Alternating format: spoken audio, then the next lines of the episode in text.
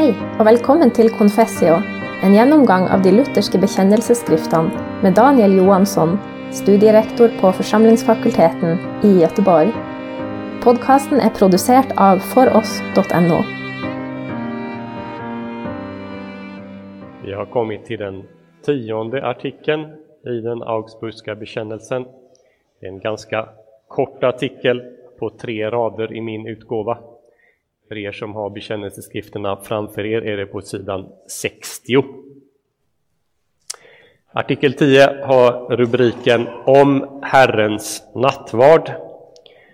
Om Herrens nattvard lär de att Kristi lekamen och blod i nattvarden är verkligen tillstädes och utdelas åt dem som undfå sakramentet. De ogillar dem som lär annorlunda. Den här artikeln handlar om det som man kanske i dagligt tal, i dagligt teologiskt tal skulle kalla för realpresensen, den verkliga närvaron. Nu är kanske just det där begreppet verklig närvaro eller realpresens inte ett särskilt bra begrepp för att tala om vad som står här. Därför att verklig närvaro kan egentligen de flesta kristna som delar den eh, fornkyrkliga bekännelsen till Jesus som sann Gud och sann människa, de tror att Jesus verkligen är närvarande vid nattvarden, nämligen närvarande enligt sitt löfte att han ska vara närvarande där två eller tre är församlade i hans namn. Alla delar synen att han är andligen närvarande.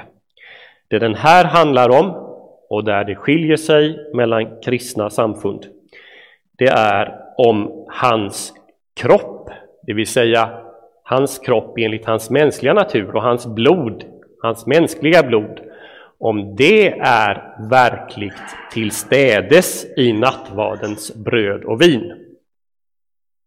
Och det slår den här artikeln fast, att man tror helt och fullt och fast att Kristi kropp och blod, det som han vandrade med här på jorden, det är verkligt närvarande vid nattvardsfirandet. Då märker ni också att den här artikeln, den tar inte upp andra kontroversfrågor i nattvarden. Om man ska sammanfatta reformationens syn på, på nattvarden och de viktiga frågorna så var det tre frågor som Martin Luther lyfte i förhållande till den medeltida teologin och det var en fråga i förhållande till andra reformerade grupper. Och då är det egentligen den här frågan som har med de andra reformerade grupperna att göra som lyfts i den här artikeln. De tre andra frågorna, det handlar om alla, även lekmännen ska få del av både Kristi kropp och blod, alltså båda gestalterna. Det kommer den Augsburgska bekännelsen att ta upp senare. Den andra frågan handlar om vad nattvarden verkligen är. Är det ett offer? Är det frågan om ett mässoffer? Det avvisar reformationen. Den kommer också upp senare i eh, den Augsburgska bekännelsen. Och den tredje frågan är den som kallas för transubstantiationsläran. Med detta sagt så kan man säga att den här artikeln den riktar sig i första hand till andra reformerade grupper eller emot dem. Men det finns en liten sån där liten spark på smalbenet emot den medeltida uppfattningen här, för notera att det står eh, Kristi lekamen och blod är verkligen tillstädes och utdelas åt dem som undfår sakramentet. Härmed har man sagt att både Kristi kropp och Kristi blod, det som lekmännen inte hade fått del av, ska utdelas till alla. Den frågan kommer specifikt upp eh, senare. Och så står det till sist här, de ogilla de som lär annorlunda. Ja, vad betyder det där ogilla? Eh, det är inte riktigt som vi i dagligt tal menar med att man gillar något eller inte gillar något. Det är inte ungefär som att, man inte gillar mammas mat där hemma eller, eller pappas mat eller vem som nu lagar den. Eh, skulle vi översätta det här till modern svenska så kanske vi istället eh, skulle översätta med att vi De avvisar dem som lär annorlunda.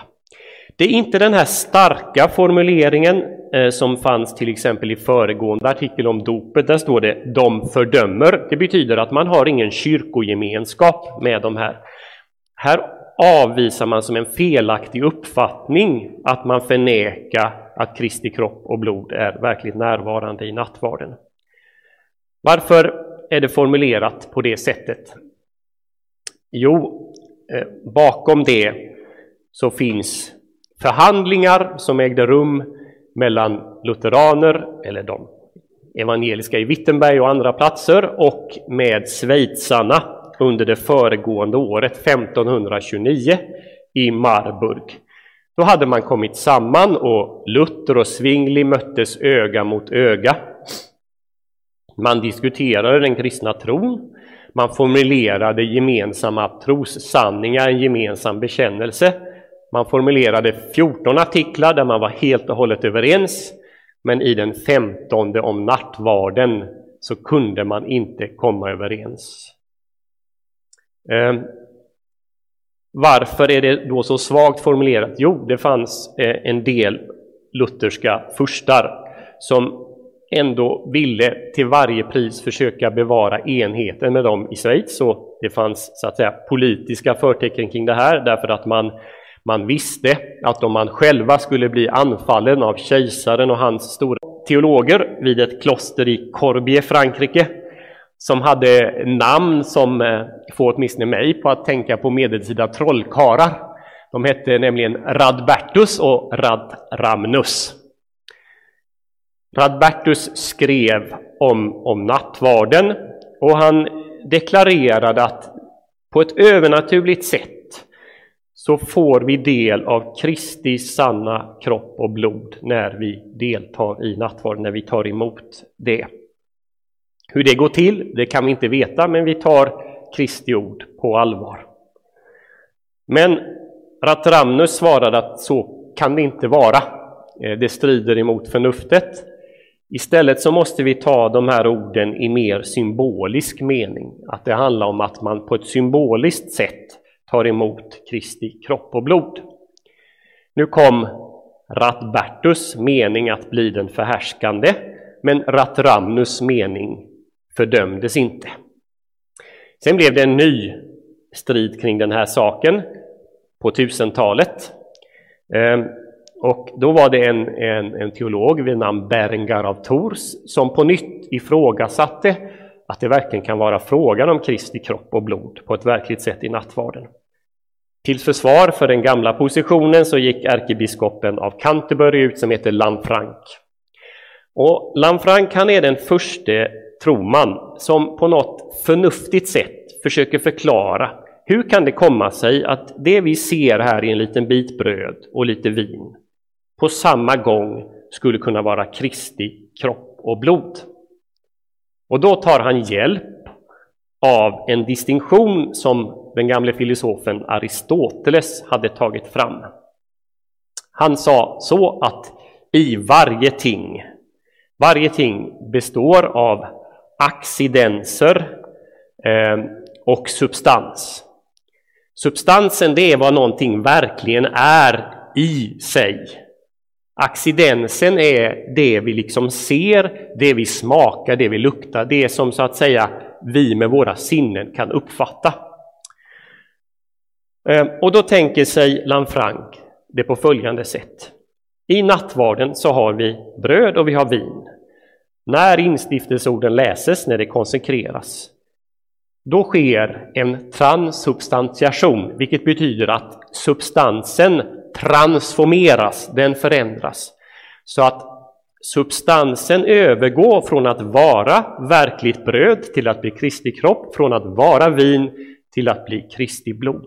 Men det som är det verkliga undret, eller verkliga undret, båda sakerna är väl ett under, men det verkliga undret är att accidensen, brödets accidens, förblir. Det förändras inte, utan det är fortfarande bröd vi ser, det är fortfarande bröd vi smakar och luktar. Och på samma sätt med vinet. Och enligt Aristoteles filosofi så skulle inte det kunna ske, därför att om substansen förändras, då måste med nödvändighet accidensen följa med. Den här förklaringen på vad som händer i nattvarden, den kom att, att bli förhärskande och fastslog sen på 1200-talet vid det fjärde Laterankonciliet som kyrkolära. På den här punkten så är, eh, är Luther kritisk. Han håller fast vid det ena, nämligen att det verkligen är Kristi kropp och blod, men inte vid den här förklaringen. Med det som bakgrund så kommer vi fram till, till eh, 1500-talet. Vad gäller nattvarden så börjar Luther någon gång 1519 och 20 kritisera de rådande föreställningarna. Men han avviker inte ifrån den gängse föreställningen om att det verkligen är frågan om Kristi kropp och blod i nattvarden. Det går ett par, tre år och sen så är det en holländsk teolog eh, som lyfter eller börja, börja ifrågasätta saken och mena det kan inte vara frågan om det är förnuftsvidrigt att det här skulle vara Kristi kropp och blod, utan det måste vara symboler. På samma sätt eh, gör Andreas Karlstadt von Bodenstein, han som har varit Luthers vapendragare i Wittenberg. Han går ut och ifrågasätter också att det kan vara frågan om Kristi kropp och blod. Istället så menar han att det vi har i nattvarden, det var egentligen en engångsföreteelse. Det var något som Jesus firade där och då med sina lärjungar. Och sen så börjar också den schweiziske reformatorn Zwingli att eh, fundera kring det här med nattvarden. Han är lite försiktig till att börja med, men när vi kommer fram till 1525 ungefär så går han ut offentligt och säger att det kan inte vara så med nattvarden som vi har tänkt. Istället är nattvarden en åminnelsemåltid. Vi samlas för att komma ihåg vad Jesus Kristus har gjort genom sin död. Men det är inte mer än så. Luther han ville inte gå till angrepp mot Zwingli till att börja med, utan han låter sina medarbetare göra det. Eh, Svingli får en del på sin sida, bland annat Strasbourg-reformaten Martin Boser. Och så småningom är det så många som argumenterar för en symbolisk nattvardsuppfattning att Luther måste skriva någonting. Och då kommer det i rask följd tre stycken ganska stora skrifter 1526, 27 och 28. Och 28 är väl höjdpunkten på, på, på eh, i, i, i, vad Luther skriver överhuvudtaget. Eh, det han skriver då kallas den stora bekännelsen om nattvarden. Och språkligt sett så är den så avancerad att Luther här har företagit mycket av 1900-talets språkfilosofiska diskussion. Eh, för vad det här till slut kom att handla om var egentligen två saker. Det ena var en rent språklig fråga.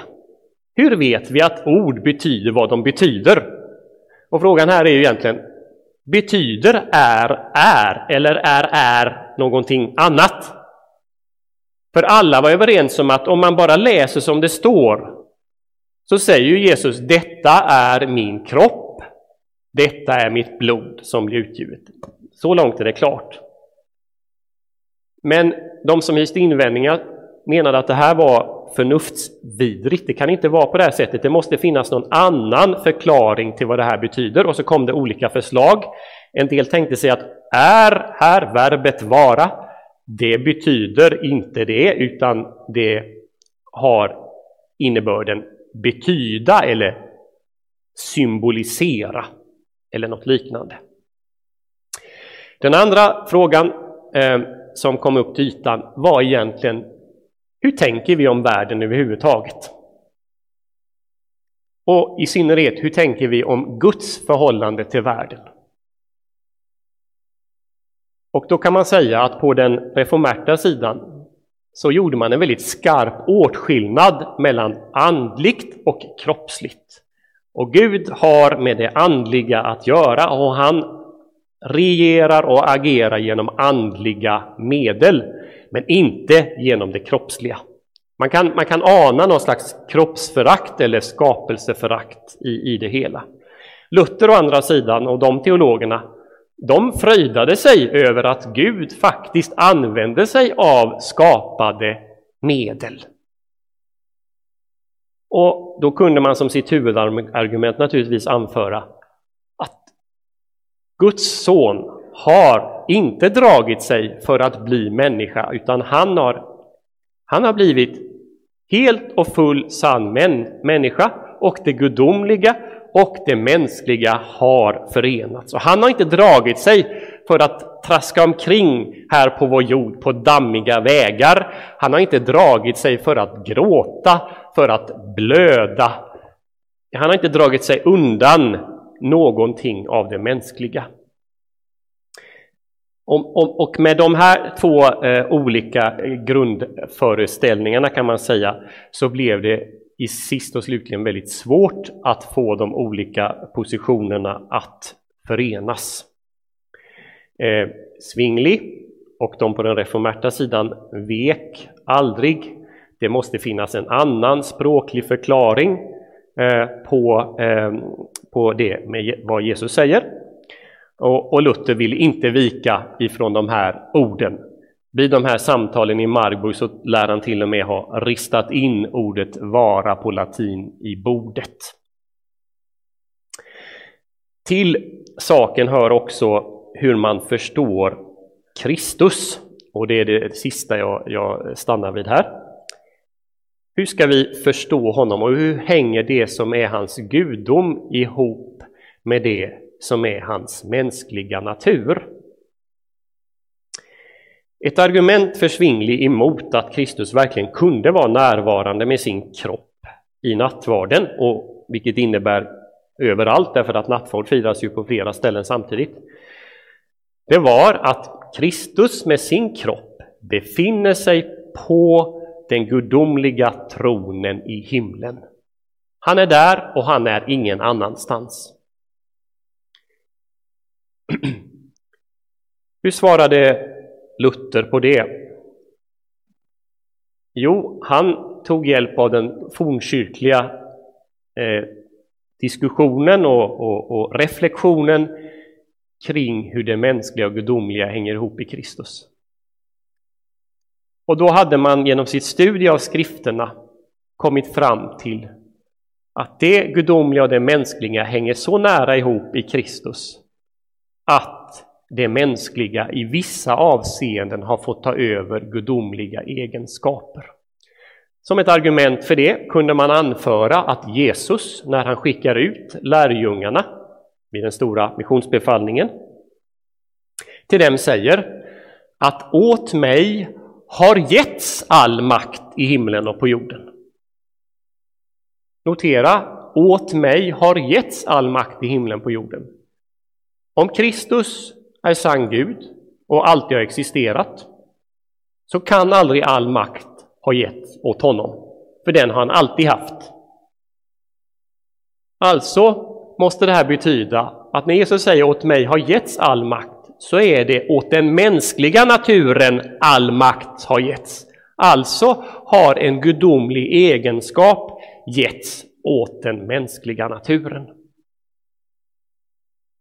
Och på samma sätt så tänker eh, Luther då att det är med nattvarden, eftersom Jesus säger att det här är hans kropp och blod, ja men då måste också till hans kropp den gudomliga egenskapen att vara allestädes närvarande har getts. Och därmed så kan Kristus även efter sin kropp, inte bara sin gudomliga natur, då är han alltid överallt samtidigt, men, men, men sin kropp, enligt sin kropp, så kan han när och var och hur han vill vara eh, närvarande. Det är vad den här tionde artikeln i den Augsburgska bekännelsen handlar om. Vi har tid för eh, ett par frågor idag. Vad har det för konsekvens för den kristna tron om man hamnar i en reformärt tolkning av eh, nattvarden? Ja, en konsekvens det har, eh, det är att man mm, på den reformerta sidan så är man överens om en sak, nämligen vad nattvarden inte är. Däremot är man inte överens om vad nattvarden är. Så Zwingli, han lägger allt fokus på att det här är frågan om en åminnelsemåltid när det så att säga åligger oss som kristna att minnas det som eh, Kristus har gjort. Det vill säga, det ligger ett ganska så starkt fokus på människans egna, egna handlande, egna prestation i nattvarden. Eh, i, i, I samtal med andra människor så har jag kunnat möta den uppfattningen även i, i lutherska sammanhang på det sättet att människor liksom upplever att de inte känt någonting, känner inte tillräckligt mycket när de går fram till nattvarden. Det handlar på något sätt att, att liksom öva upp sin förmåga att, att känna att det här är något stort, det här är något extra. Jag ser en, en, en koppling till, till hur Svingli tänkte kring nattvarden. Calvin, en annan reformert, han tänkte inte så kring nattvarden eh, riktigt, utan han tänkte att här så blir det en verklig gemenskap med Kristus, men det är en gemenskap som förmedlas via anden, så att via min kristna ande och Kristi ande så förenas jag med Kristi kropp uppe i himlen. Och det får som konsekvens till exempel att, att, eh, att det är bara de troende som kan möta Kristus i nattvarden och ta emot honom. Det är omöjligt för en icke troende människa, så en icke troende deltar egentligen inte i nattvarden även om man går fram. Så här får vi några konsekvenser. Medan för, om man nu ska koka ner eh, den, den lutherska uppfattningen att det här är fråga om Kristi sanna kropp och blod, så kan man säga så här att här får vi det allra tydligaste och konkretaste bevis på att Kristus har för vår, för, försonat våra synder. För vad är det vi får del av i nattvarden? Jo, det är precis den kropp som Kristus offrade till Gud och som han gav som lösepeng för våra synder. Det är precis det blod som han lät utgjuta för våra synder. Som vi kan tänka oss rann över det allra heligaste, eller där han, som, med vilket han gick in i det allra heligaste himlen. Det är just det som vi får del av. Pengen Kristus har betalt av, den får vi äta och den får vi dricka. Och vad kan vara ett starkare bevis för att Kristus har verkligen betalat för alla våra synder och att vi får bli rättfärdiggjorda för hans skull? En fråga till. Finns det någonting som skiljer nattvardsfirandet på jorden eh, från eh, bröllopsfirandet i himmelen? Bra fråga, jag har faktiskt aldrig eh, funderat på den. Jag tror, att, jag tror att det kommer finnas en del som, som skiljer det. Om vi nu bara tar fasta på den aspekten jag nämnde sist, nämligen alltså nattvarden som, som en, eh, något som påminner, som försäkrar oss om våra synders förlåtelse så är det ju något som vi inte kommer att behöva i fullkomligheten. Så där i skiljer sig en sak. En annan sak som kommer skilja sig naturligtvis eh, i, i det nattvardsfirandet är att vi för våra ögon kommer att ha både Fadern och, och Sonen och, och, se Guds lamm så som han är, ansikte mot ansikte. Så, så ett par saker i alla fall tror jag skiljer sig åt. Men samtidigt så ska vi säga att nattvarden är också en försmak av den himmelska måltiden. Där tror jag vi får sluta för idag. Eh, det blir en kort artikel nästa vecka också om bikten. Tack för att du hörde på Confessio. Vi tillbyr också andra podcaster, för exempel Table Talks, som går igenom alla söndagstexter i kyrkoåret. Besök oss gärna på foross.no.